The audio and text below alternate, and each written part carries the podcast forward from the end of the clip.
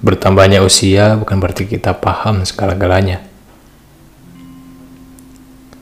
Pohon besar tumbuh mendekati langit dan menjauhi tanah. Ia merasa telah melihat segalanya dari ketinggiannya. Namun masih ingatkah ia dengan sepetak tanah mungil waktu masih kerdil dulu?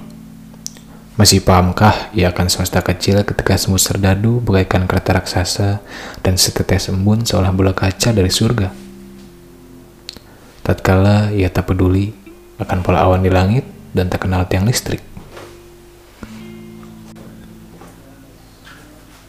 Waktu kecil dulu, kupu-kupu masih sering hinggap di pucuknya. Kini burung besar bahkan bersangkar di ketiaknya, kawanan kelelawar menggantungi buahnya. Namun jangan sekali-kali ia merendahkan kupu-kupu yang hanya menggeliat di tapaknya.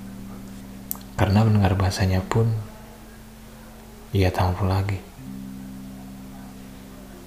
Setiap jenjang memiliki dunia sendiri yang selalu dilupakan ketika umur bertambah tinggi. Tak bisa kembali ke kacamata yang sama bukan berarti kita lebih mengerti dari yang semula. Rambut putih tak menjadikan kita manusia yang segala tahu. Dapatkah kita kembali mengerti apa yang ditertawakan bocah kecil atau yang digejolakkan anak belasan tahun seiring dengan kecepatan zaman yang melesat meninggalkan? karena kita tumbuh ke atas, tapi masih dalam petak yang sama. Agar kita tumbuh ke dalam dan tak bisa terlalu jauh ke samping. Selalu tercipta kutub-kutub pemahaman yang tak akan bertemu kalau tidak dijembatani.